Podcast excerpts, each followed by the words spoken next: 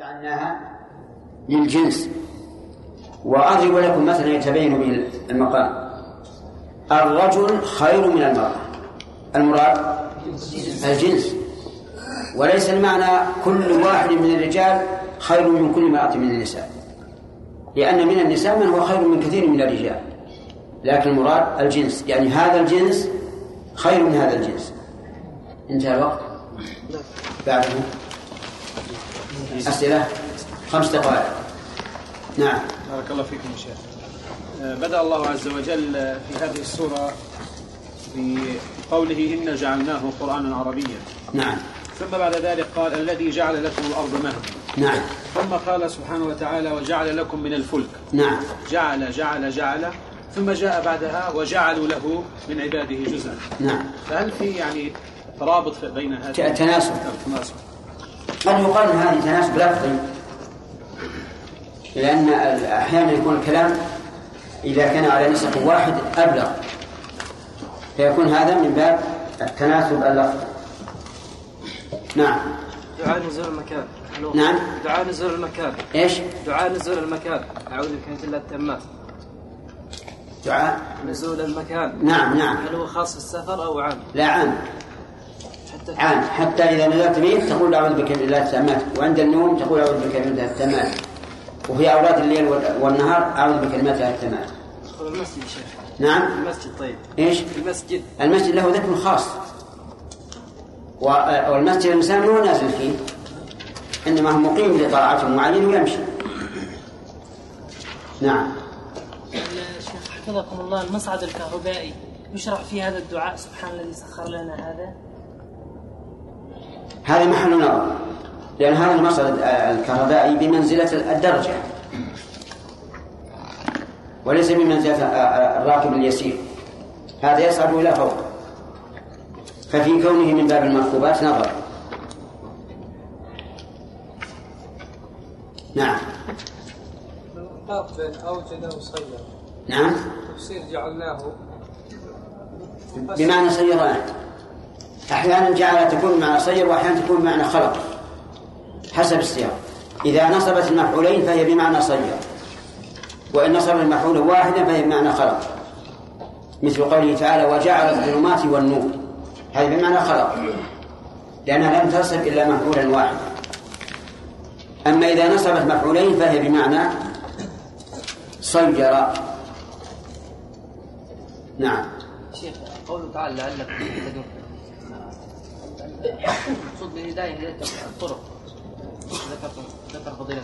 هل يمكن يحمل على هداية ال- على إيش؟ هداية الاعتبار في الآية؟ على إيش؟ هداية الاعتبار. إيه. لا. السياق يمنع هذا. نعم. في قوله تعالى إنا جعلناه قرآنا عربيا. آه، في بعض الكلمات في القرآن أصلها أعجمي وهو كلمة إبراهيم. كيف يمكن أن نعم. هذا يسأل يقول إن جعلناه قرآنا عربيا مع أن في بعض كلمات القرآن ما أصله غير عربي نقول إنه لما عرب لما تكلم به العرب صار عربيا بالاستعمال وإن كان أصله غير عربي؟ الحمد لله.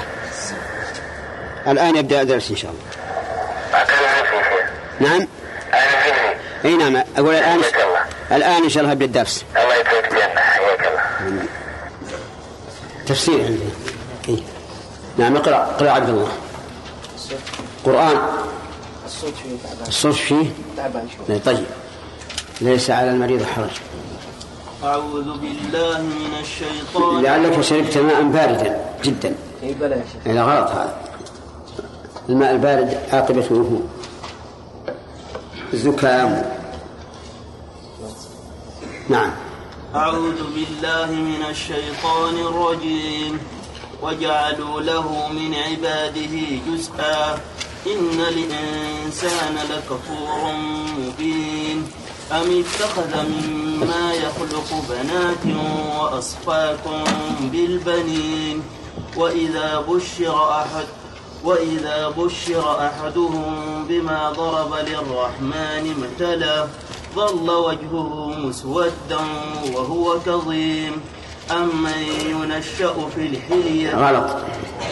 أو من أو من ينشأ في الحلية وهو في الخصام غير مبين.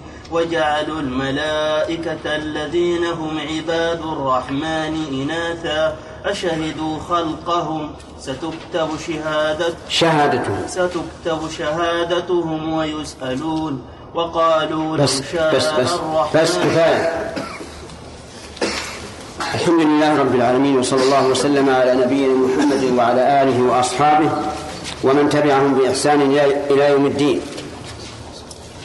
أما بعد فإن تفسير القرآن العظيم من أهم واجبات المسلمين أن أن يعرفوا معنى كلام الله سبحانه وتعالى.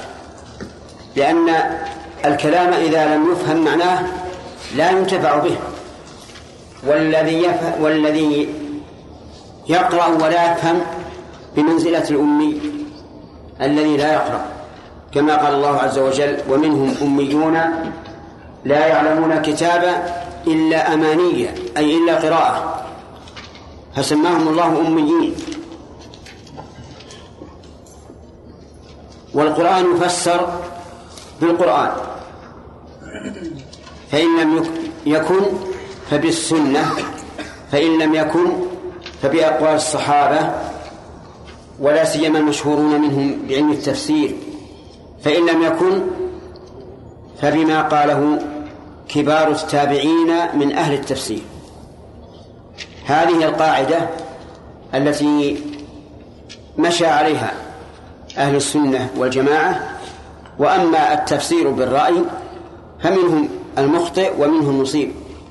ولكن لا يجوز للإنسان أن يفسر القرآن برأيه بمعنى أن يحول القرآن إلى رأيه. فإن من قال في القرآن برأيه فليتبوأ مقعده من النار. مثال ذلك الذين يفسرون قول الله عز وجل بل يداه مبسوطتان بأنهما النعمة. هؤلاء قالوا في- القرآن برأيهم لأن هذا المعنى غير مراد قطعا. وكذلك الذين يقولون استوى على العرش يعني استولى على العرش. فإن هذا منكر من القول. وتفسير الآية به من القول على الله بلا علم من الافتراء على الله سبحانه وتعالى. هؤلاء نقول إنهم قالوا في القرآن برأيهم أي حولوا القرآن إلى كمل إلى رأيه. وأما من فسر القرآن بمقتضى الحقائق الشرعية واللغوية إذا لم تكن حقيقة شرعية فإنه لم يقل في القرآن برأيه. وقد سبقت هذه القاعدة أول ما- بدأنا في علم التفسير فلتكن مرجعا لكم؟ يفسر القرآن أولا ثم ثم ثم كبار التابعين الذين اعتنوا بالتفسير كمجاهد بن جبر رحمه الله الذي أخذ التفسير عن عبد الله بن عباس رضي الله عنه. سبق لنا في التفسير أن الله تعالى قاس ال- الغائب على الحاضر. فما هو يا وليد؟ نعم. نعم. ما تدري. قول- قوله تعالى كذلك تخرجون. نعم. قاس الحاضر وهو إحياء. لا ما هو الحاضر. قاس الغائب وهو إحياء الموتى على الحاضر الذي يشاهدونه. أنزل من السماء ماء فأنبتنا فأنبت به من كل الثمرات. فقاس المستقبل على الغائب. وه... نعم على الحاضر. وهذا من طرق التعليم والتفهيم. قوله من السماء ماء. ما المراد بالسماء؟ السماء التي السماء هي السقف التي فوق الأرض. إذن المطر ينزل من السماء الدنيا. نعم أكذلك تعتقد؟ أخطأت. تفسيرا واعتقادا. نعم. دكتور صالح. السماء بارك الله فيكم هي العلو. المراد بها العلو. لأن من المعلوم أن المطر لا ينزل من السماء الدنيا إنما ينزل من السحاب المسخر بين السماء والأرض. أين أنت؟ ما وهو إذا لم تكتبها. هذا يعرفها الصبي اللي في, في أولى ابتدائي يمكن. طيب. هل هناك حكمة أن الله تعالى أنزله أي المطر من فوق. ولا ما حضرت. نعم. لو, كان مطر من الأرض لغرقت الأرض ولم يصل عليها قوم الجبال أي يعني له حكمة لأجل أن يروي أن يروي يروي الأرض علوها علوها وسفليها. تمام؟ هل هناك من حكمة أن الله جعله نقطا عندك؟ حتى لا تغرق الأرض ها؟ حتى لا تغرق هذه تغرق له وإن كان نقطا نعم. يتهدم البنيان. ها؟ يتهدم البنيان. نعم. حتى لا تفسد الأرض ويتهدم البنيان. لو كان ينزل كأفواه القرى آه، آه، القرى لفسدت الأرض. لكن من حكمة الله أنه أنزله نقطا مبتدأ الدرس اليوم. نعم. فسرناها قوله تعالى هذا مبتدأ الدرس. قال الله تعالى وجعلوا له من عباده جزءا. جعلوا الضمير يعود على المشركين وعلى اليهود وعلى النصارى. له أي لله. من عباده أي مخلوقاته. جزءا أي بعضا. وذلك بقول المشركين إن الملائكة بنات الله. وقول اليهود إن عزيرا ابن الله وقول النصارى إن المسيح ابن الله. ووجه كونه جزءا أن الولد جزء من أبيه كما قال النبي صلى الله عليه وعلى آله وسلم في ابنته فاطمة رضي الله عنها إنها بضعة مني يريبها ما رابني. حينما تحدث الناس أن علي بن أبي طالب يريد أن يتزوج عليها بنت أبي جهل فأنكر النبي صلى الله عليه وعلى آله وسلم ذلك وقال لا يمكن أن تكون ابنة نبي الله مع ابنة عدو الله. وإذا الجزء البعض والقائل ثلاثة أصناف من الناس المشركون واليهود والنصارى. إن إن الإنسان لا نعم. إن الإنسان لكفور مبين. إن الإنسان المراد الجنس لكفور مبين أي بين الكفر. وذلك أن بان بمعنى ظهر تكون بالهمز وتكون بغير الهمز بمعنى أنه يجوز لغة أن تقول بان الفجر وأبان الفجر. وعليه فيكون معنى مبين أي واضح الكفر. ولا شك أن الذي يقول الملائكة بنات الله أو عيسى بن الله أو زين بن الله لا شك أنه كفر كفرا بينا. وتستعمل أبانا بالهمز متعدية. يقال أبان الشيء بمعنى أظهره. ومنه قوله تعالى حاميم والكتاب المبين التي سبقت في أول السورة أي المظهر للحقائق. المبين لها. إن الإنسان لكفور إن الإنسان لكفور مبين. ثم قال الله عز وجل أم كذا عندكم؟ ها؟ نعم. أم اتخذ مما يخلق بنات وأصفاكم بالبنين بالبنين. أم هنا منقطعة. بمعنى بل والهمزة. واعلم أن أم تأتي متصلة إذا كانت بين شيئين متساويين. ومنقطعة إذا كان ما بعدها منقطعا عما قبلها. ففي قوله تعالى سواء عليهم أأنذرتهم أم لم تنذرهم. هذه متصلة. وفي مثل هذه الآية أم متصلة أم منقطعة. المنقطعة يقدرها النحويون ببل والهمزة. بل أتخذ بل ضعيف الخط اقرأ اقرأ يا شمع. تفسير يا شيخ ولا لا؟ إيه التفسير أم بمعنى همزة الإنكار. والقول المقدر أي أتقولون اتخذ مما يخلق بنات لنفسه. وأصفاكم أخلصكم اللازم من قولكم السابق فهو من جملة الملك. من جملة؟ الملك؟ المنكر. المنكر طيب. آه، أم اتخذ مما يخلق بناته قدره المؤلف بمعنى بل أيقولون. ولا حاجة لهذا التقدير. بل هو كلام من عند الله أنكر على هؤلاء. يعني بل على قولكم اتخذ مما يخلق بنات. لأنهم قالوا الملائكة بنات الله. وأصفاكم بالبنين. يعني أخلصكم بالبنين وخصكم بها. لأنهم يقولون البنات لله والبنين والبنون لنا. فهل هذا عدل؟ هل هذا حق؟ هذا منكر وجور. على الأقل لو قالوا إنهم سواء لكان أهون مع أنه منكر. لكن يجعلون لله البنات ولهم ما يشتهون. هذا غاية ما يكون من الجور والظلم. أم اتخذ مما يخلق بنات وهم الملائكة الذين زعموا أنهم بنات الله وأصفاكم بالبنين.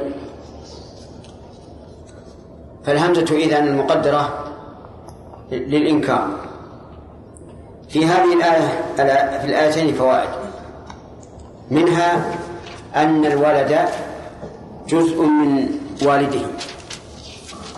لقوله وجعلوا له من عباده جزءا. ولذلك كان الولد في التعصيب في باب الميراث مقدما على الوالد بمعنى أنه لو مات ميت عن أبيه وابنه فلأبيه السدس فرضا والباقي للابن تعصيبا. فسهم الابن الآن خمسة من ستة وسهم الأب واحد من ستة. لماذا؟ لأن الابن إيش؟ جزء من أبيه فقدم. ومن الفوائد أنه يجوز للأب أن يتملك من مال ولده لأن ولده جزءه. وإذا كان جزءا منه صار كسائر جسده. ولهذا جاء في الحديث أنت ومالك لأبيك. فللأب أن يتملك من مال ولده ما شاء. بشرط أن لا يكون الولد محتاجا إليه أو تتعلق به نفسه. فمثلا إذا كان عند الابن أمه قد تسراها وتعلقت بها نفسه فإنه لا يجوز للأب أن يتملكها. مع أنه لا يمكن أن يطأها لأنها حليلة ابنه لكن حتى ولا ولا, ولا التملك لماذا؟ لأن حاجته متعلقة بها. كذلك لو تعلقت بذلك بماله ضرورته. كابن عنده مال أعده للمهر حين يتزوج. فليس للأب أن يأخذ منه شيئا. كذلك لو كان عنده سيارة أعدها لحاجته وضرورته فليس للأب أن يتملكها. إنما يتملك الفضل فقط. دليل هذا قوله صلى الله عليه وعلى آله وسلم لا ضرر ولا ضرار. ومن فوائد هذه الآية الكريمة بيان عتو المشركين واليهود والنصارى حيث جعلوا الذي لم يلد ولم يولد ولم يكن له كفوا أحد جعلوه والدا ومن فوائد هذه الآية الكريمة أن الإنسان بطبيعته كفور مبين. هذا إذا جعلنا الإنسان للجنس. أما إذا جعلنا الإنسان يعود على الذي جعل من من عباد جعل لله من عباده جزءا فإنه يكون خاصا. لكن المعنى الأول هو ظاهر قوله تعالى إنا عرضنا الأمانة على السماوات والأرض والجبال فأبين أن يحملنها وأشفقن منها وحملها الإنسان. إنه كان ظلوما جهولا. فأصل الإنسان الظلم والجهل. إلا أن يمن الله عليه بالعلم والإيمان. ومن فوائد الآية الثانية الإنكار على هؤلاء الذين جعلوا لله ولدا. لقوله أم اتخذوا نعم. أم اتخذ مما يخلق بنات ومن فوائده أنه كيف يكون المخلوق ولدا للخالق؟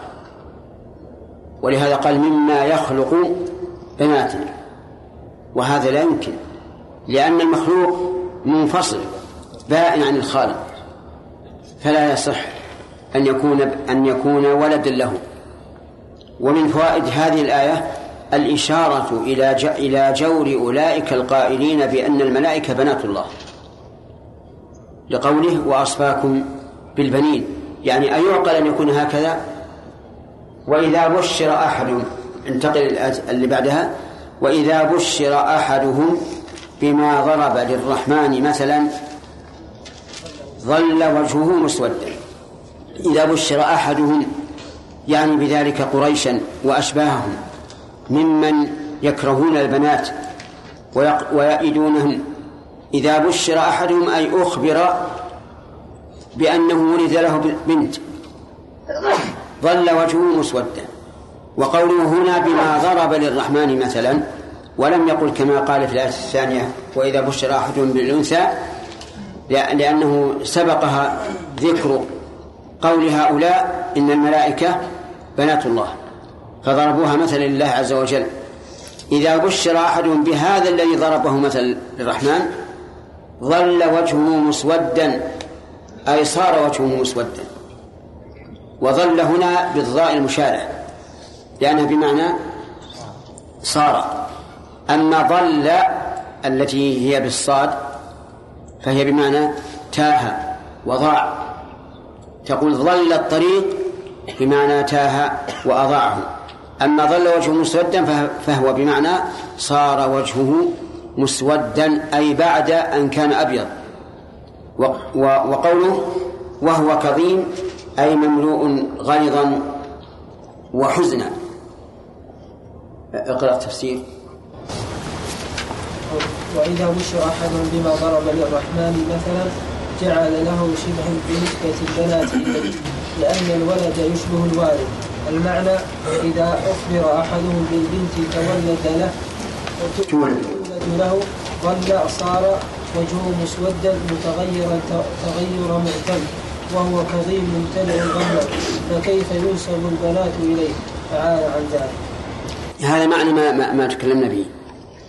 إيه، من فوائد هذه الآية ذكر حال هؤلاء عندما يبشرون بالبنات. أن الواحد منهم يتغير ظاهره وباطنه. ظاهره بسوداد وجهه وباطنه بامتلائه غما. ومنها التنديد التام بهؤلاء حيث إنهم إذا بشروا بالأنثى صارت لهم هذه الحال وهم يدعونها للخالق عز وجل. ومن فوائد هذه الآية الكريمة إثبات اسم الرحمن لله عز وجل. والرحمن يعني ذو الرحمة يعني ذو الرحمة الواسعة. وهذا الاسم الكريم تنكره قريش. إذا قيل لهم اسجدوا للرحمن قالوا وما الرحمن؟ ولما أراد النبي صلى الله عليه وعلى آله وسلم أن يكتب كتاب الصلح في الحديبية وقال للكاتب اكتب بسم الله الرحمن الرحيم. أبى رسول قريش. وقال إننا لا نعرف الرحمن. ولكن اكتب باسمك اللهم. فقال النبي صلى الله عليه وعلى آله وسلم اكتب باسمك اللهم. وليس هذا من باب التنزل ولكن من باب التأليف وإمضاء المعاهدة. ومن فوائدها نعم قلنا إن الرحمن يعني ذو الرحمة الواسعة. فهل رحمة الله عز وجل تشمل الكافرين؟ فالجواب نعم. لولا رحمة الله ما بقى الكافر لحظة واحدة. فالكافر مرحوم والمؤمن مرحوم. لكن الفرق أن المؤمن مرحوم في الدنيا والآخرة والكافر مرحوم في الدنيا. قد أغدق الله عليه النعم وعجل له الطيبات. لكنه في الآخرة يعامل بالعدل ويجازى بما يستحق. إذا نقول الرحمة العامة تشمل إيه؟ المؤمن والكافر والخاصة تختص بالمؤمنين.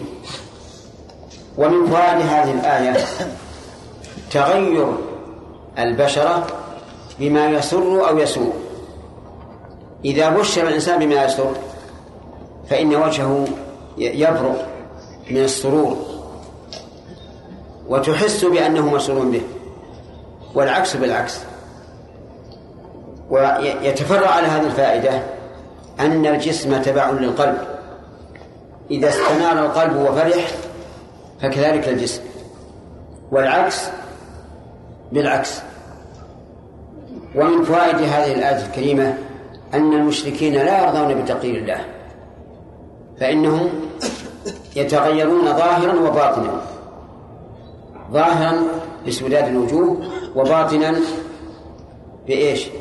بالامتلاء غما ثم قال عز وجل أو من ينشأ في الحلية وهو في الخصام غير مبين؟ الهمزة للاستفهام. والواو حرف عطف. ومن اسم موصول. يعني أو الذي ينشأ في الحلية أي يربى فيها ويحتاج إليها. وهو في الخصام غير مبين أي غير مظهر لما في في نفسه يعني كمن ليس كذلك. والإشارة في هذا الوصف الإشارة في هذا الوصف إلى الأنثى. لأن الأنثى تنشأ في الحلية وتحلى لتتجمل و فتحتاج إلى إلى ما يكملها. وهي أيضا لا ت... ليست ذات خصومة بل هي في الخصام غير مبين. كمن كمن ليس كذلك ويأتي إن شاء الله الكلام على الآية. خمس دقائق أسئلة. نعم. نعم. شيخ حفظكم الله. هل يجوز آه، تفسير القرآن؟ بما يعرف آه، بالإعجاز العلمي إلى القرآن والسنة؟ الإعجاز العلمي نوعان. نوع دل عليه القرآن وأشار إليه فهذا لا بأس به وهو من تفسير القرآن. ونوع لا يدل عليه القرآن وإنما يؤخذ منه بتكلف وربما لا يدل عليه أصلا. فهذا لا يجوز تفسير القرآن به. مثال مثال ذلك الثاني قال الله عز وجل يا معشر الجن والإنس إن استطعتم أن تنفذوا من أقطار السماوات والأرض فانفذوا لا تنفذون إلا بسلطان فسره بعضهم بالعلم. وطبق هذا على وصول على الوصول إلى القمر. هذا لا يحل لأن الآية لا تدل على ذلك. الآية فيها بيان الحال يوم القيامة. ولهذا قال من أقطار السماوات والأرض. ومعلوم أن هؤلاء لم ينفذوا من أقطار السماوات. فالإعجاز العلمي الذي ليس فيه تكلف لا بأس به لأن القرآن واسع. ومما ينكر أيضا مما يقال الإعجاز العلمي ما يسمونه بالإعجاز العددي المبني على تسعة عشر. هذا أيضا باطل ولا يجوز أن يقال إن القرآن معجز من هذه الناحية. أولا لأن القراءة مختلفة وهم يقولون مثلا التاء تكررت كذا وكذا مرة إذا قسمتها على تسعة عشر انقسمت. اللام تكررت كذا وكذا مرة إذا قسمتها على تسعة عشر انقسمت بلا كسر. هكذا يزعمون وهذا لا شك أنه باطل. حتى قال لي بعضهم إن الله تعالى قال إن أول بيت وضع للناس للذي ببكة مبارك وهدى للعالمين. وقال في سورة الفتح وهو الذي كف أيديهم عنكم وأيديكم عنهم ببطن مكة. قال إن الله ذكر بكة من أجل أن تتم الباء العدد الذي ينقسم على تسعة عشر. وهذا لا شك أنه كذب. الدليل مثلا في القرآن كلمات فيها قراءات. يا أيها الذين آمنوا إن جاءكم فاسق بنبأ فتبينوا فيها قراءة فتثبتوا. إذا اختل العدد. صار بدل النون ثاء وبدل الياء باء. كذلك مالك يوم الدين وفي قراءة ملك يوم الدين. بحذف الياء بحذف الألف. فنقصت الألف. فالقصد هذا لا شك أنه كذب. ولا يجوز أن يفسر, أن يفسر القرآن بالإعجاز العددي لأنه أولا ليس فيه إعجاز كما قالوا وثانيا القرآن ما نزل على أنه تمرين حسابي. نزل على أنه موعظة وشفاء لما في الصدور. شيخنا نعم. الله. الذي أطلق هذه البدعة آه، رجل كان ينكر القسم الثاني من الشهادة ويقول أن الشهادة فقط تقتصر على لا إله إلا الله. على كل حال هو ما نعرف عن حاله إلا ما ذكرت أنت الآن وهو رجل أظن يسمى رشاد. و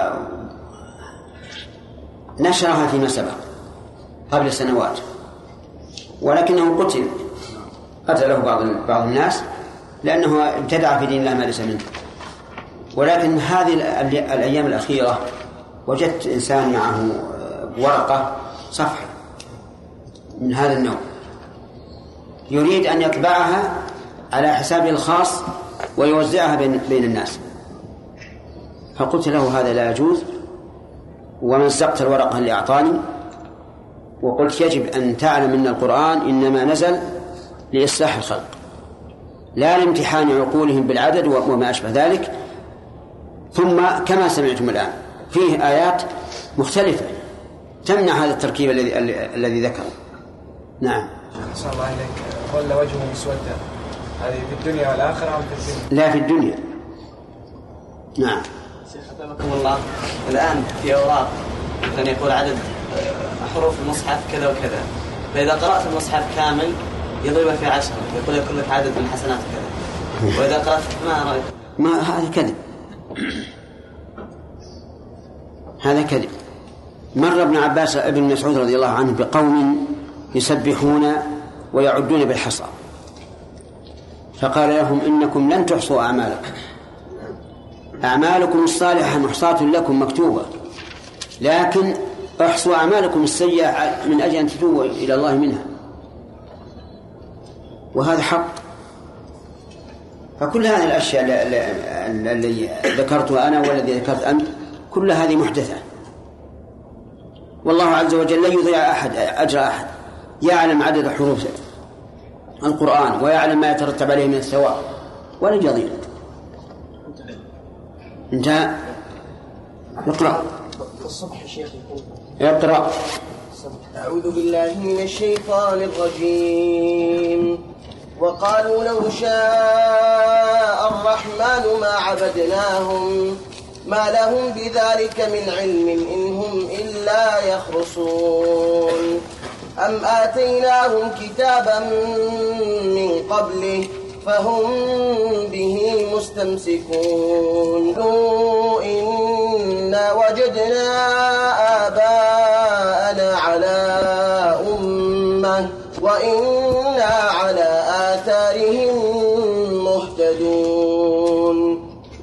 وكذلك ما أرسلنا من قبلك في قرية من نذير إلا قال مترفوها إلا قال مترفوها إنا وجدنا آباءنا على أمة وإنا على آثارهم مقتدون أعوذ بالله من الشيطان الرجيم.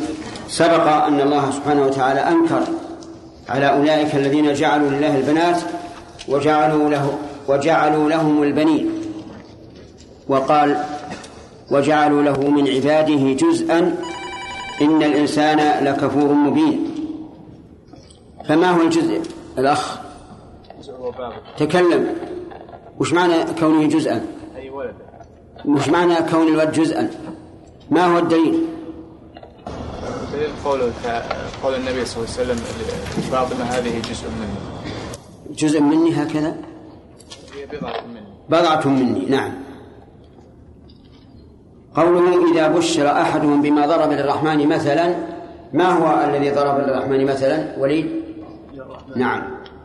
قال إن الرحمن من الملائكة بنات. بما ضرب للرحمن مثلا أي جعله جعل جعل لنفسه البنات ولهم البنين. شبيها له حيث ادعوا أن البنات أن الملائكة بنات الله.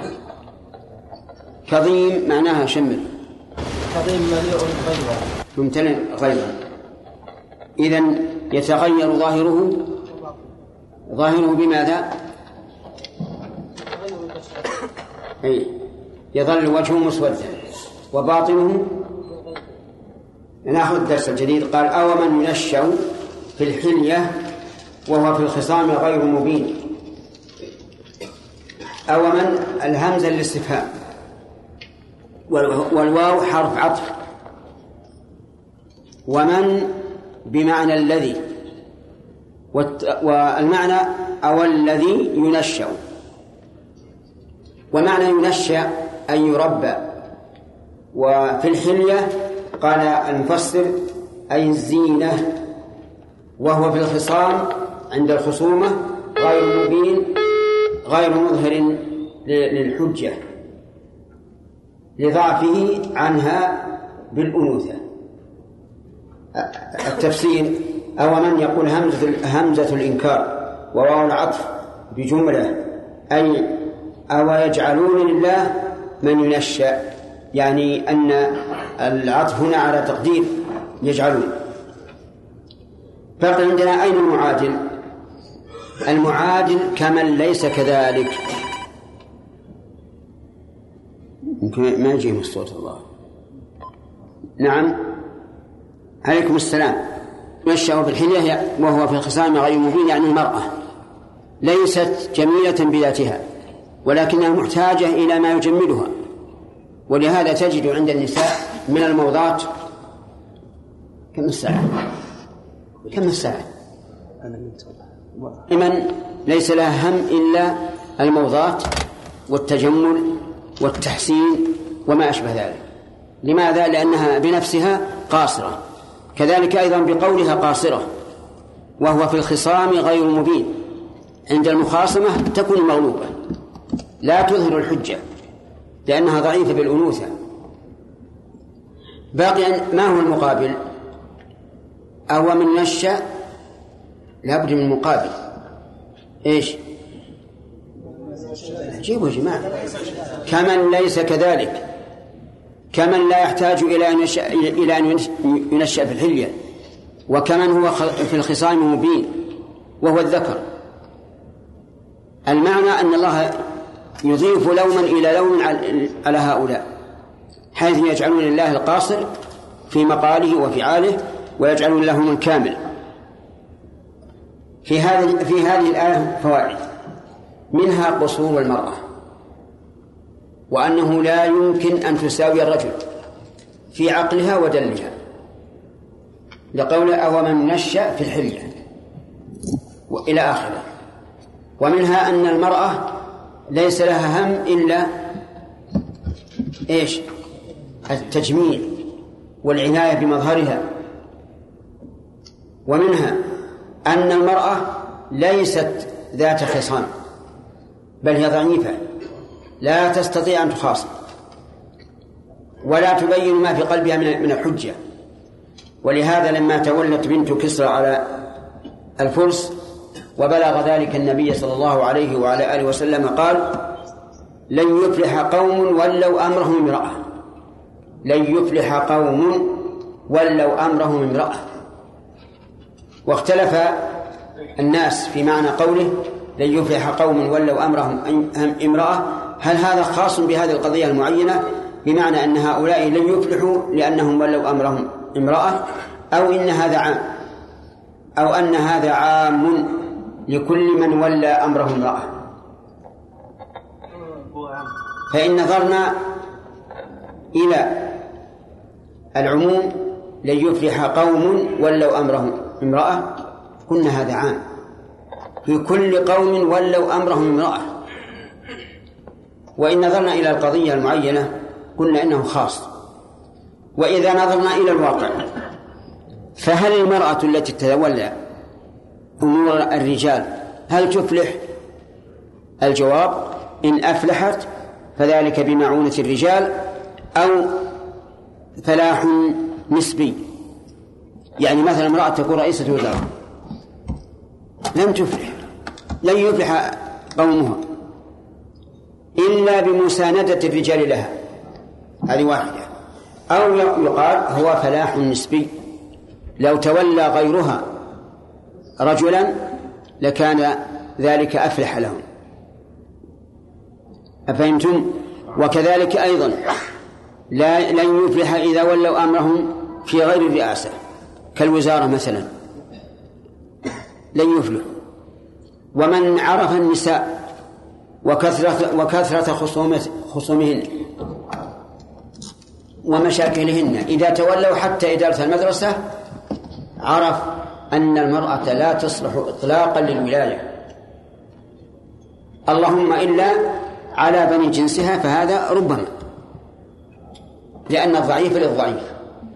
ومن فوائد هذه الآية الثناء على الرجال لأنه إذا كان إذا كانت النساء لا تكمل بذاتها ولا لا بالفعال وبالمقال فهذا يعني أن الرجال كمل وانظر إلى قول الله تعالى ومريم ابنة عمران التي أحصت فرجها فنافخنا فيه من روحنا وصدقت بكلمات ربها وكتبه وكانت ولا من القانتات؟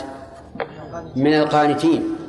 يتبين لك أن القنوت والعبادة في الرجال أكثر. ولهذا جاء في الحديث كمل من الرجال كثير ولم يكمل من النساء إلا أربع. آسيا امرأة فرعون ومريم بنت عمران وخديجة بنت خويلد وفضل عائشة على النساء كفضل الثريد على سائر الطعام. هذا. أفهمتم يا جماعة؟ كل هذا نريد أن يبقى في أذهاننا أن المرأة قاصرة وأن من يحاولون أن يجعلوها كالرجال فإنهم مخالفون للفطرة والطبيعة كما أنهم مخالفون للشريعة. خطب النبي صلى الله عليه وعلى آله وسلم النساء في يوم عيد يوم الفرح والسرور وبين أحالهن فقال ما رأيت من ناقصات عقل ودين أذهب للب الرجل الحازم من إحداكم مع أنه يوم فرح ويوم سرور كان من المتوقع أن يدخل عليهم النبي صلى الله عليه وسلم السرور. لكن لا بد أن يبين حالهم.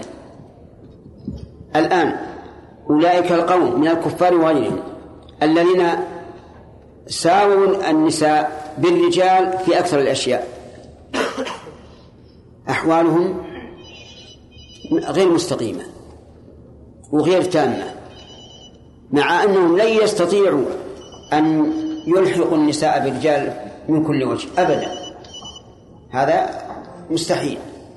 طيب قال وجعلوا وجعلوا الملائكة الذين هم عباد الرحمن إناثا. جعلوا الضمير يعود على المشركين. ومعنى جعلوا أي صيروا. ولذلك نصبت مفعولين. الملائكة الذين هم عباد الرحمن الذين أتموا العبودية على الوجه الأكمل حيث وصفهم الله عز وجل بأنهم عباد مكرمون لا يسبقونه بالقول وهم بأمره يعملون. جعلوا الذين هم عباد الرحمن إناثا. وذلك بقولهم إن الملائكة بنات الله. انظروا هذا الافتراء. أولا افتروا بأنهم بنات الله ثانيا افتروا بأنهم بنات. وما يدريهم أن الملائكة بنات. لكن لما كان وصف الأنوثة وصفا رديئا. قالوا هم إناث والبنون لمن؟ البنون لهم. قال الله عز وجل منكرا عليهم أشهدوا خلقهم؟ يعني أحضروا خلقهم وعرفوا أنهم إناث. والاستفهام هنا للإنكار أو للتحدي. للإنكار أو للتحدي. يعني أن الله أنكر عليهم أو تحداهم هل حضروا أو لا؟ وهذا كقوله تعالى ما أشهدتم خلق السماوات والأرض ولا خلق أنفسهم وما كنتم متخذ المضلين عضدا. قال تعالى ستكتب شهادتهم بأنهم إناث. ستكتب تكتب على أنها فرية وشهادة زور ويعاقبون عليها. والسين هنا للتقريب والتحقيق. وتكتب لم يبين الفاعل فاعل الكتابة فالله أعلم. هل يكتبها الله أو الملائكة؟ والظاهر أنهم الملائكة لأن الملائكة موكلون بعمل بني آدم. يكتبون ما يلفظ من قول إلا لديه رقيب عتيد. ستكتب شهادتهم بأنهم إناث ويسألون عنها في الآخرة فيترتب عليها العقاب. من فوائد هذه الآية الكريمة بيان افتراء هؤلاء المشركين. من وجهين. الوجه الأول محمود. الوجه الأول أنهم جعلوا الملائكة إناثا. جعلوا الملائكة إناثا. وما يدريهم. الوجه الثاني وليد. قالوا أن الملائكة هم بنات بنات. نعم. أنهم نسبوهم إلى الله عز وجل. من فوائد هذه الآية الكريمة تحدي هؤلاء المفترين. قل يا أخي بقوله سؤال واحد. ارفع يدك ما هو أنت اللي وراء. أنت. تحدي هؤلاء المفترين بإيش؟ لما أكثر الملائكة أنهم كيف؟ بأي لفظة نعرف أنه متحديهم. أين الكلمة التي تدل على التحدي؟ وعباد الرحمن. يا أخي أنت ما شاء الله حريص على التقدم في المكان. نعم دكتور صالح. قال تعالى أشهدوا خلقهم. في قوله تعالى أشهدوا خلقهم. والجواب لا. من فوائد هذه الآية الكريمة تهديد تهديد أولئك المفترين بأن شهادتهم ستكتب ويعاقبون عليها. لقوله ستكتب شهادتهم. ومن فوائد ذلك إثبات الحساب. من فوائد الآية إثبات الحساب في قوله ويسألون. ومن فوائد هذه هذه الآية أن أقوال الإنسان تكتب عليه كأفعاله لأن الشهادة هنا بالقول. ثم قال عز وجل وقالوا لو شاء الرحمن ما عبدناهم فعبادتنا إياهم ما عبدناهم أي الملائكة فعبادتنا إياهم بمشيئته فهو راض بها قال الله تعالى إلى آخره. وقالوا أي المشركون لو شاء الله ما عبدناهم. لو هذه حرف امتناع الامتناع. لو شاء الله ما عبدناهم. لكن عبدناهم لمشيئة الله. والعجب أنهم قالوا ما عبدناهم. فإن كانوا يريدون الملائكة فقد تناقضوا. وإن كانوا يريدون الأصنام فهذا له كلام آخر. إذا كانوا يريدون الملائكة فهم قالوا ما عبدناهم مع أنهم جعلوا الملائكة إناثا. وكان مقتضى ذلك أن يقول ما عبدناهن. فيرجع الضمير إلى الملائكة ضمير مؤنث أما إذا كان المراد ما عبدناهم أي ما عبدنا آلهتنا فلا إشكال. المفسر ذهب إلى أي شيء؟ ولد. ذهب إلى أي شيء؟ يبدو لي أنك أنك سارح. الإشكال قول ما عبدناهم. وجه الإشكال فيها؟ نعم. وجه الإشكال إن كان المراد الملائكة فهم ناقضوا فهم ناقضوا إذا كانوا يعلمون الملائكة فقد ناقضوا لأنهم جعلوهم إله والضمير وقال ضمير هم نعم. وهو المذكر. أحسنت. وإن كان الأصنام؟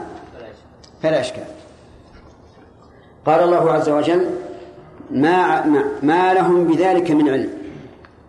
ما لهم بذلك القول من الرضا بعبادتها من علم إن هم أي ما هم إلا يخرصون يكذبون فيترتب عليهم العقاب به. قال الله عز وجل ما لهم بذلك من علم. من هنا تعرب زائدة إعرابا لكنها في المعنى مفيدة تفيد التوكيد. وسياق الكلام لولا القرآن لقلنا لكان السياق ما لهم بذلك علم لكن تزاد الحروف للتوكيد لتوكيد النفي في هذه الآية. يعني أن قولهم لو شاء الرحمن ما عبدناهم قول مبني على الخرص والظن والمحاجة بالباطل. وإلا فهم عملوا وعبدوا بدون أن يعلموا أنه مكتوب عليهم. لأنه لا يعلم المكتوب إلا إذا إلا إذا وقع. في هذه الآية فوائد. منها أن هؤلاء احتجوا بالقدر. فقالوا لو شاء الرحمن ما عبدناه ومنها بطلان الاحتجاج بالقدر لقوله ما لهم بذلك من علم. وهنا سؤال هل قولهم لو شاء الرحمن ما عبدناهم هل هو صحيح؟ عجيب يا جماعة. صحيح. لكن الاحتجاج به غير صحيح. لو شاء الرحمن ما ما عبدوهم. كقوله ولو شاء الله ما اقتتل الذين من بعدهم من بعد ما جاءتهم البينات ولكن اختلفوا. فهذا القول صحيح لكن الاحتجاج به غير صحيح. طيب. وإنما قلنا إنه صحيح لأن الله تعالى يشاء كل شيء. كل شيء فهو واقع بمشيئة الله. ولكن لا حجة بشيء لا تعلمه أنت. إذ أنك لا تعلم أن هذا مقدر عليك إلا إلا إيش؟ إلا إذا وقع. فالقدر سر مكتوم لا يعلم إلا إذا وقع المقدور. ومن فوائد هذا الحديث نعم نعم ومن فوائد هذه الآية الرد على القدرية الذين ينكرون أن الله تعالى يشاء أفعال العباد. فالقدرية وهم المعتزلة يقولون إن الإنسان خالق عمله مريد له مستقل به وأن الله عز وجل لا إرادة له به. سبحان الله. أيقول الله عز وجل إنا كل شيء خلقناه بقدر وتقولون أنتم لا؟ قابلهم قوم آخرون وهم الجبرية. وقالوا كل شيء واقع فهو بمشيئة الله والإنسان مجبر على العمل وليس مختارا. وهذا أيضا قول باطل. كل يعرف الفرق بين الفعل الاختياري وبين الفعل الاضطراري.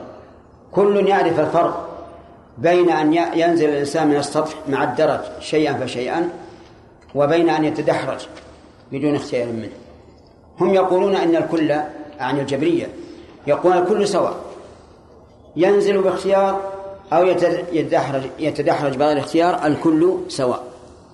ما حركة الإنسان إلا كحركة السعفة في الريح. وهذا أيضا قول إيش؟ قول باطل. ولا يمكن أن تقوم به أمة ولا أن تقوم به ملة ولا أن تقوم به دنيا ولا أخرى. وإلا لقلنا كل إنسان يتسلط على آخر ثم يقول والله هذا بقضاء الله وقدره ما ما أملك. هل يرضى هؤلاء أن يأتي شخص ويردهم رفضا ثم يقول هذا بقدر هذا بقدر الله؟ الجواب لا. لا أحد يرضى بذلك.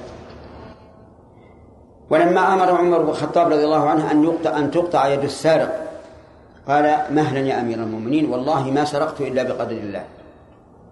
قال ونحن لا نقطع يدك إلا بقدر الله. فكل إنسان يعرف أن الإنسان مختار. وله إرادة تامة بها يفعل. لو أن قلنا بقول بقول الجبرية لكانت عقوبة الله للمجرمين ظلما. لأنهم سيقولون يا ربنا فعلنا هذا بغير اختيار. والذين يقولون إن الله لا, لا علاقة له بفعل العبد أيضا هم مخطئون. ولهذا يسمى هؤلاء القدرية يسمون مجوس هذه الأمة. مجوس هذه الأمة. لماذا؟ لأنهم جعلوا للحوادث خالقين. حوادث بشرية من خلق بشر. وحوادث إلهية من خلق الله عز وجل. فسموا مجوس هذه الأمة لأن المجوس يقولون إن الحوادث لها خالقان. الشر تخلقه الظلمة والخير والنور يخلق الخير. هذه عقيدة المجوس. وفي ذلك يقول المتنبي بمدوحه وكم لظلام الليل عندك من يد تخبر أن المانوية تكذب. ظلام الليل ظلمة وأنت أيها الممدوح لك الكرم في الليل والنهار. على كل حال يا أخوان نرجع إلى الآية. هل قولهم لو شاء الرحمن ما عبدناهم صحيح أو لا؟ صحيح. لكن هل هو حجة؟ لا. ولهذا قال عز وجل ما لهم بذلك من علم. من فوائد هذه الآية الكريمة أن المحتج بالقدر لا علم عنده. كيف لا يكون عنده علم وهو يعلم أنه إنما وقع بمشيئة الله؟ فالجواب هو إنما علم بعد الوقوع لكن قبل الوقوع يعلم أو لا يعلم؟ لا يعلم. إذا لا حجة له لأن الحجة دليل والدليل لا بد أن يسبق المدلول. فعلمهم لاحق وليس وليس بسابق. من فوائد هذه الآية الكريمة أن قولهم هذا مبني على الكذب. لقوله إن هم إلا يخرصون أي يكذبون. ولنا أن نقول يخرصون بمعنى يظنون. كما قال عز وجل فئة أخرى إن هم إلا يظنون. ثم قال الله عز وجل أم آتيناهم كتابا من قبله القرآن بعبادة غير الله فهم به مستمسكون. أم آتيناهم؟ أم بمعنى بل وهمزة الاستفهام. والمعنى بل هل نحن آتيناهم كتابا من قبل القرآن فهم به مستمسكون؟ الجواب ما الجواب؟ لا. لم يقع ذلك. فأول كتاب نزل على العرب هو القرآن وهو آخر كتاب لأنه لم يبعث من العرب رسول إلا محمد صلى الله عليه وعلى آله وسلم. كما قال عز وجل في دعاء إبراهيم وإسماعيل ربنا وابعث فيهم رسولا منهم يتلو عليهم آياتك ويزكيهم ويعلمهم الكتاب والحكمة. ولهذا لو لو قال قائل هل في العرب رسول سوى محمد صلى الله عليه وعلى آله وسلم؟ لقلنا لا ما في إلا واحد. أم آتيناهم كتابا من قبله فهم به مستمسكون؟ الجواب لا. في هذه الآية من الفوائد تكرار الحجج بقدر إنكار الخصم. وكلما تكررت الحجج ازداد الأمر قوة. ومن فوائدها أنك إذا أتيت بدليل مقنع. فلا لوم عليك إذا أتيت بدليل آخر وثالث. ما دام المقام يقتضي ذلك. انظروا إلى الذين يجادلون أهل الباطل. وبالأخص شيخ الإسلام ابن تيمية وتلميذه وتلميذه ابن القيم. كيف يأتون بالأدلة متتابعة متكاثرة مع أن المدلول يمكن أن يثبت بدليل واحد من أجل التقوية. شيخ الإسلام له كتاب اسمه التسعينية في الرد على الأشعرية الذين قالوا إن الكلام هو المعنى القائم بالنفس. أبطل رحمه الله هذا القول من تسعين وجها. ويكفي في إبطاله وجه واحد. لكن كلما تكررت الأدلة قوية الحجة. أرأيتم الآن في الأمور المحسوسة؟ لو أن شخصا أتى وأخبركم بخبر وهو ثقة عندكم صدقتموه. فإذا جاء آخر نعم. ازدادت الثقة. وإذا جاء ثالث ازدادت الثقة. ولهذا قال العلماء إن المتواتر يفيد القطع لكثرة من رواه. المتواتر يعني الحديث الذي يأتي من طرق كثيرة. يفيد القطع لأن لكثرة الرواة. من فوائد هذه الآية الكريمة أنه لم ينزل على العرب كتاب. سوى القرآن لقوله أم آتيناهم كتابا من قبله ومن فوائد هذه الآية منة الله عز وجل على العرب حيث أنزل عليهم كتابا واحدا هداية للخلق أجمعين إلى يوم القيامة. بينما الرسل الآخرون تنزل عليهم الكتب هداية لأقوامهم. فهي أي الكتب هداية في قوم معينين وفي وقت معين. لكن هذا الكتاب جعلنا الله وإياكم من المتمسكين به. هذا نازل صالح لكل زمان ومكان وأمة. ثم قال عز وجل بل قالوا إنا وجدنا آباءنا على أمة وإنا على آثارهم مقتدون. بل هذه للإضراب. إضراب انتقال. يعني انتقلوا إلى شيء آخر. قالوا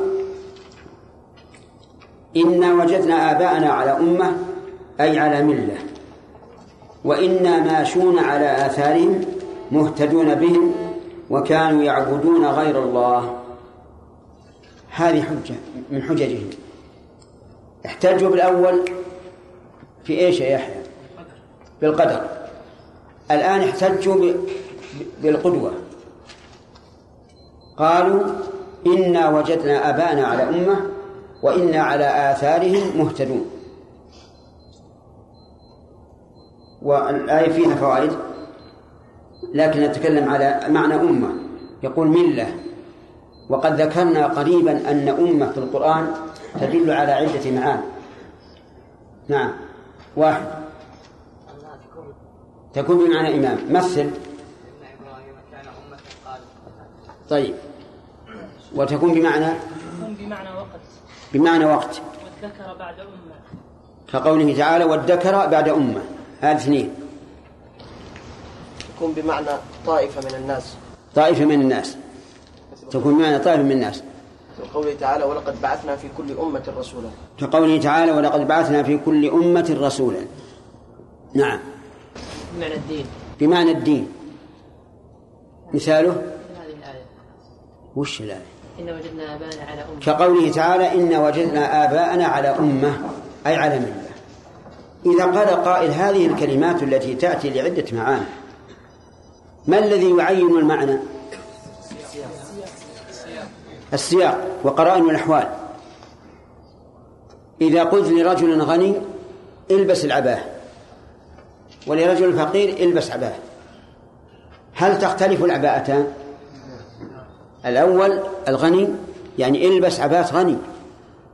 والثاني إلبس عباة فقير. شفت؟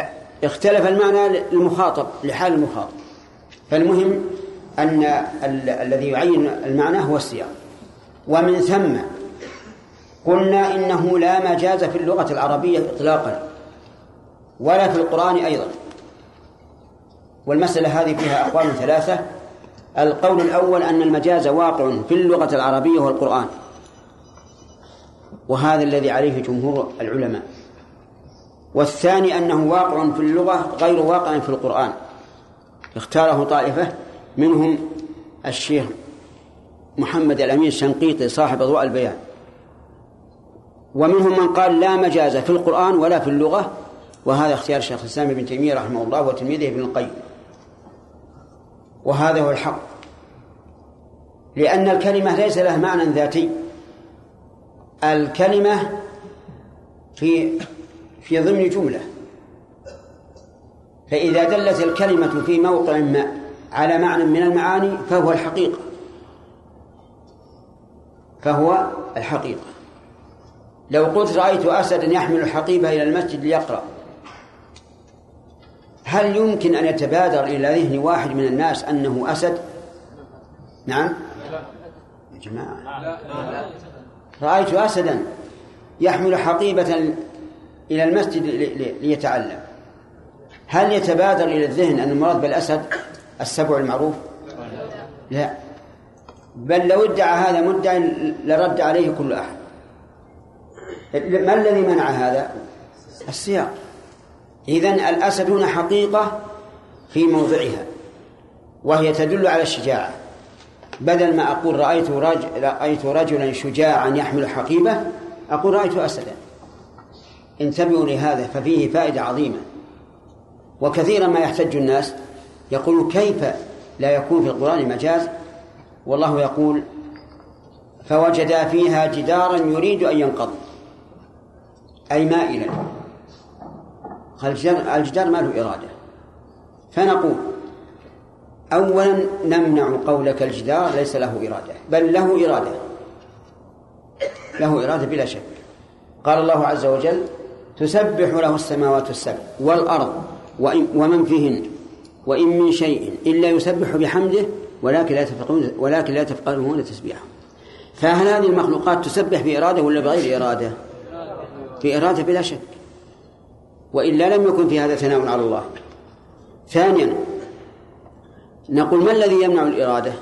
في الجماد والنبي صلى الله عليه وسلم ثبت عنه أنه قال في أحد وهو جبل حصى جبل يحبنا ونحبه. فأثبت المحبة لهذا الجبل. والمحبة أخص من الإرادة. ثالثا نقول إرادة كل شيء بحسبه.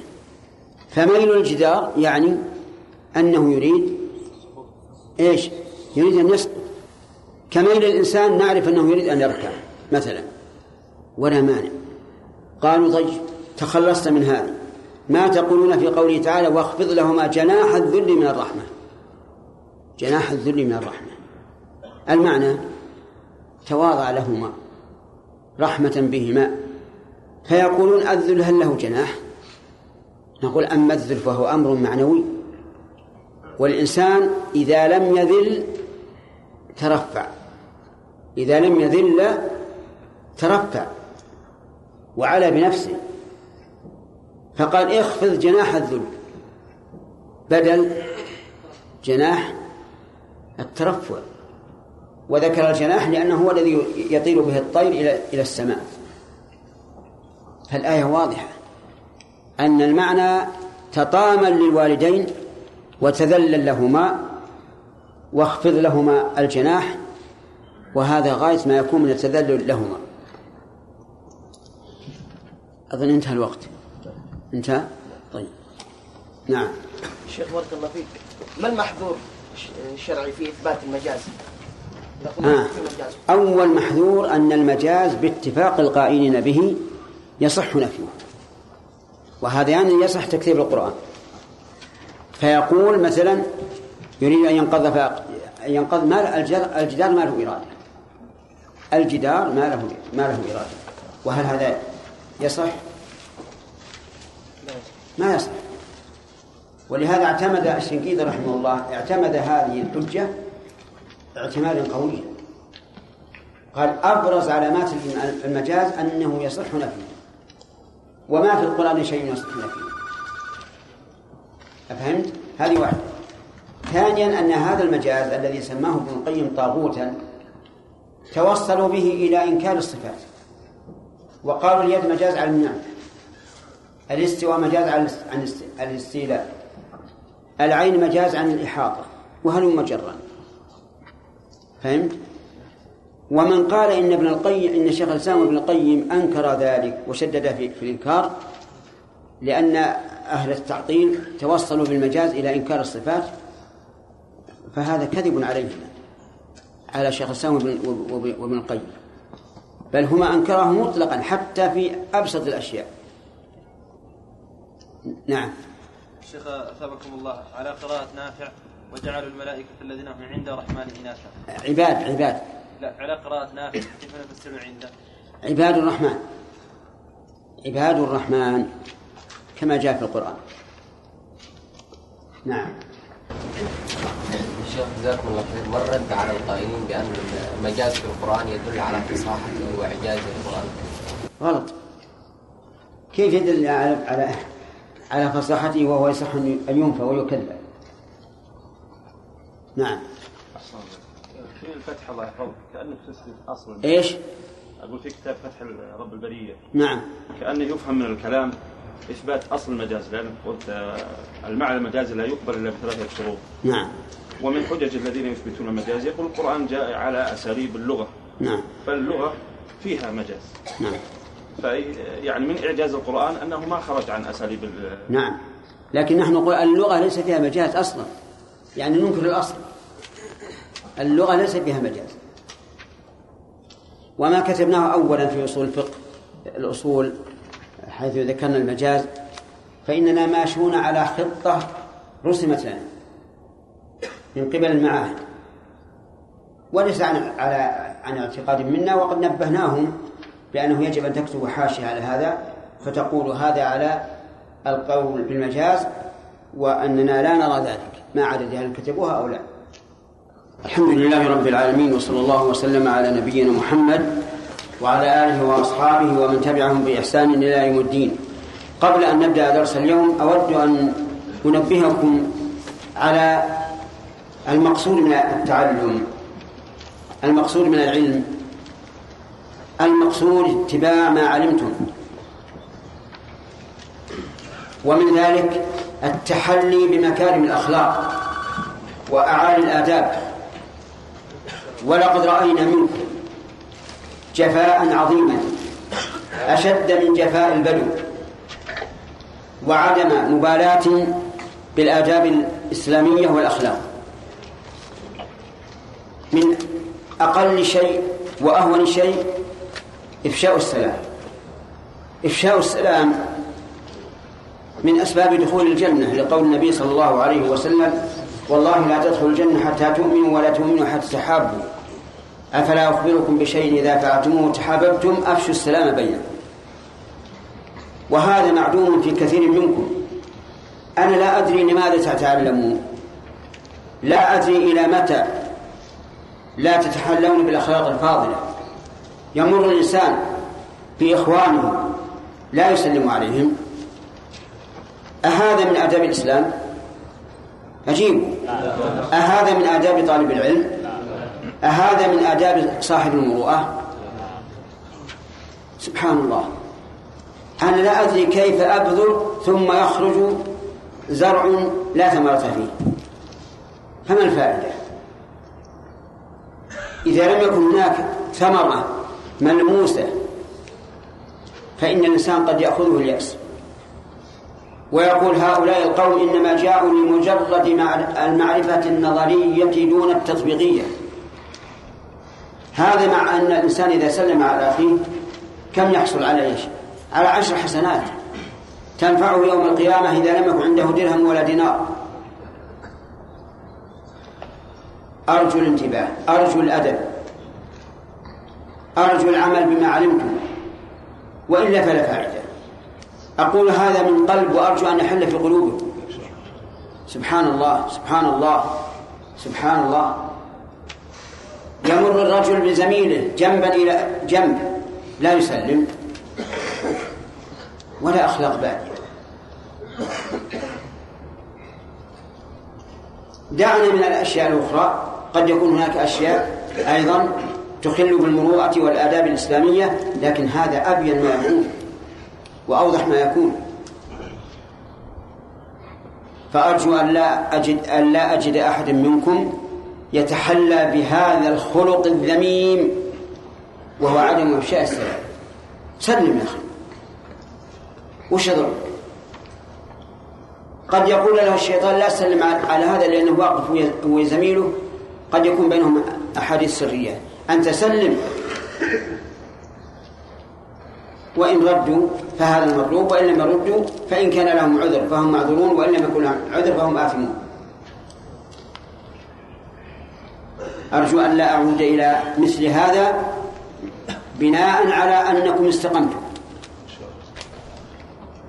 والله الموفق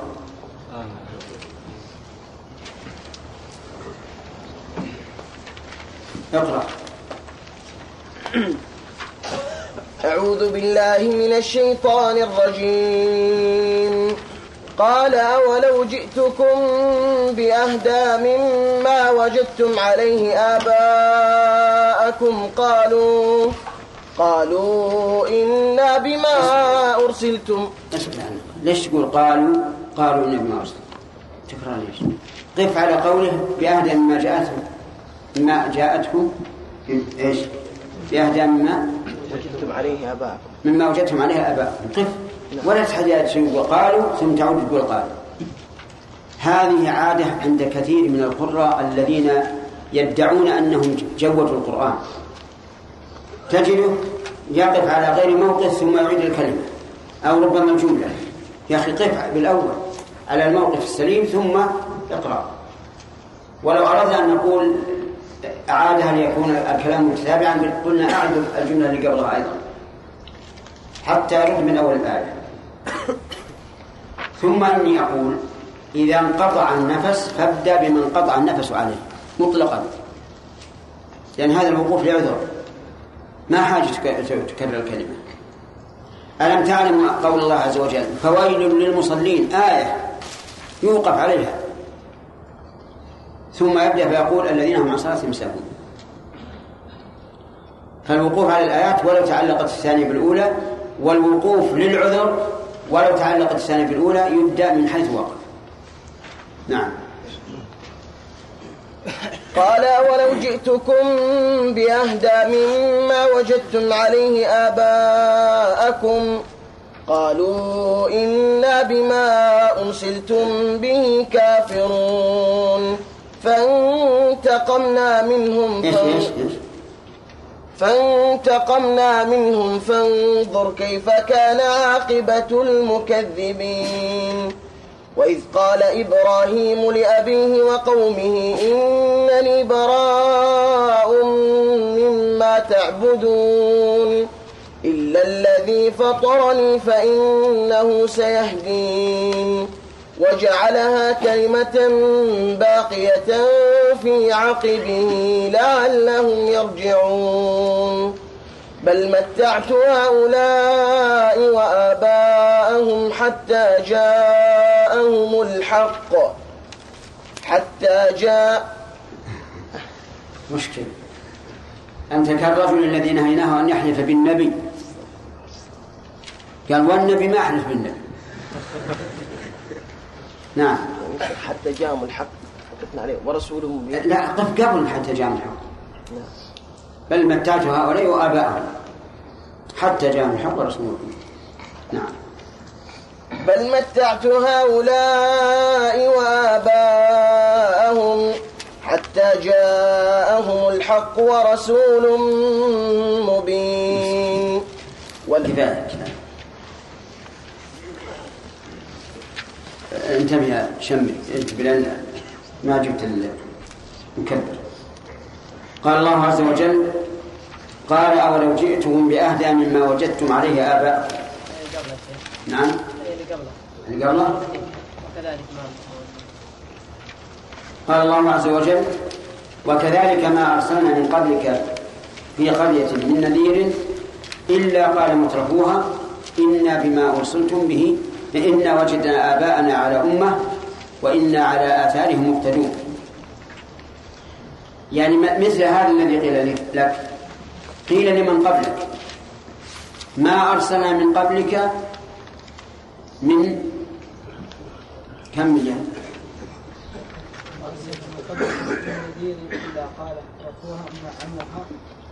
أسمع. ما أرسلنا من قبلك في قرية من نبي إلا قال مترفوها إنا بما أرسلتم إنا وجدنا آباءنا على أمة. والجملة من هذا والغرض من هذا أو الحكمة من هذا تسلية النبي صلى الله عليه وعلى آله وسلم من وجه. وإنذار هؤلاء المكذبين لهم من وجه آخر وأنه سيصيبهم ما أصاب غيرهم مما أصروا على تقليد آبائهم الباطل. وقوله ما أرسلنا من قبلك من نبي. الله. يلا خليك أنت اللي تتابع لأن هذا على اليمين وعنده بعض الغفلة.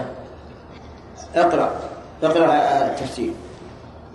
وكذلك ما أرسلنا من قبلك في قرية من نذير إلا قال مترفوها أي متنعموها مثل قول. قومك. متنعموها ولا منعموها؟ متنعموها. بالتاء؟ نعم. نعم. عندي بالتاء لا غلط. منعموها هو الصواب منعموها مثل قول قومك.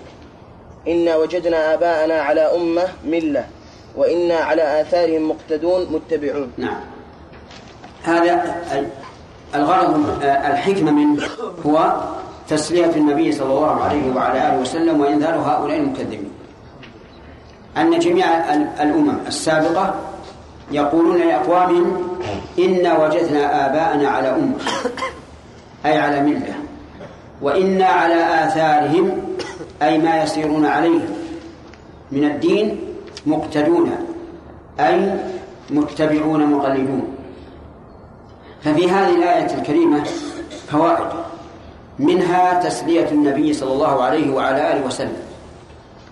بأن هذا الذي قيل له قد قيل لمن قبله. كقوله تعالى ما يقال لك إلا ما قد قيل للرسل من قبلك. ومنها اتفاق أهل الباطل على هدف واحد ألا وهو تكذيب الرسل واتباع آبائهم.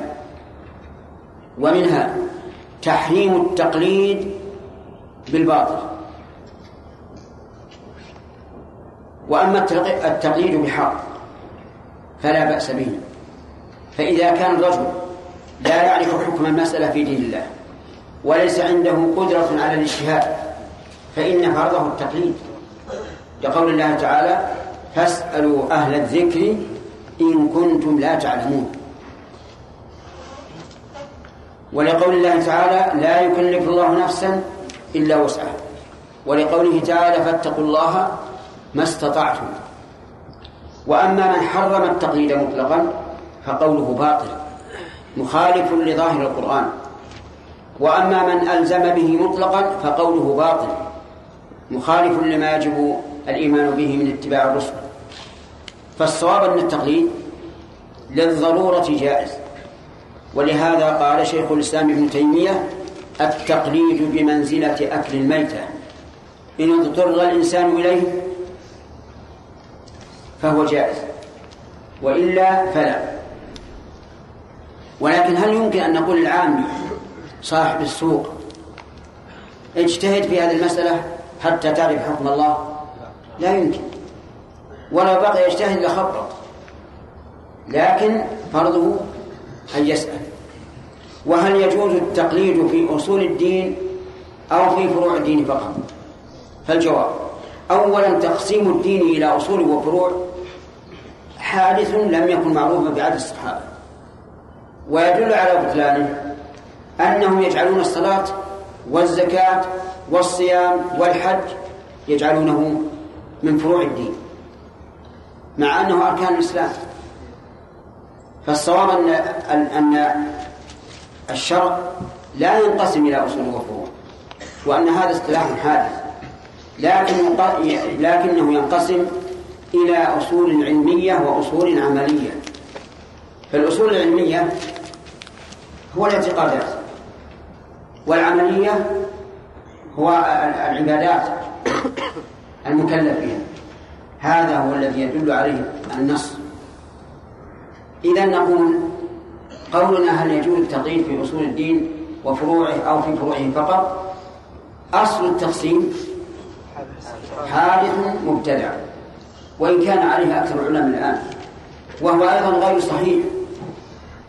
وجه بطلانه أنهم جعلوا الصلاة والزكاة والصيام والحج من فروع الدين وهي أصل من أصول الدين أركان الإسلام. ثم نقول التقليد فيما تسميه أصل, أصل الدين وفروعه جائز. قال الله عز وجل وما أرسلنا من قبلك إلا رجالا نوحي إليهم. فاسألوا أهل الذكر إن كنتم لا تعلمون. والرسالة على تقسيم هؤلاء إلى أصول وفروع. من الأصول ولا من الفروع؟ الرسالة من الأصول. عقيدة. ومع هذا يقول عز وجل وما أرسلنا من قبلك إلا رجالا نوحي إليهم. فاسألوا أهل الذكر. اسألوا هل أرسلنا رجالا أو أرسلنا ملائكة؟ إن كنتم لا تعلمون. والقاعدة أن كل من عجز أن يدرك الحق بنفسه وجب عليه امشي التقليد. سواء في الأصول في, في الأمور العلمية أو أو, أو, أو العملية. لا فرق. ومن فوائد هذه الآية الكريمة أن هؤلاء القوم المكذبين للرسل ليس عندهم حجة إلا مجرد ما كان عليه الآباء. وهذا ليس بحجة. وعلى هذا فلا يجوز الاحتجاج بعمل الناس. كما يفعله بعض القوم. فإذا نهيته عن شيء قال كل الناس يفعلونه. هذا ليس بحجة. ولا يمكن أن تقابل الله بهذه الحجة. كل الناس يفعل هذا. هذا لا, لا يمكن أن ينفعك عند الله. قل هذا دل الكتاب على جوازه أو السنة على جوازه ونعم على العين والرأس. أما كل الناس يفعلونه فلا. ثم قال الله عز وجل قال أي لهم. نعم. أولو تتبعون ذلك؟ جئتكم بأهدى مما وجدتم عليه آباءكم قالوا إنا بما أرسلتم به أنت ومن قبلك كافرون. قالوا إنما بما أرسلتم به أنت ومن قبلك. نعم كافرون. قال أولو جئت. قال أي الرسول الذي يرسله الله عز وجل ويقابل بأنهم وجدوا آباءهم على أمة. قال لهم أولو جئتكم بأهدى مما وجدتم عليه آباءكم يعني أتردون قولي وتتبعون ما كان عليه آباء آباؤكم؟ ولو جئتكم بأهدى منه. والاستفهام هنا واضح أنه للإنكار والتوبيخ يعني كيف تتبعون ما عليه آباؤكم وأنا قد جئتكم بأهدى؟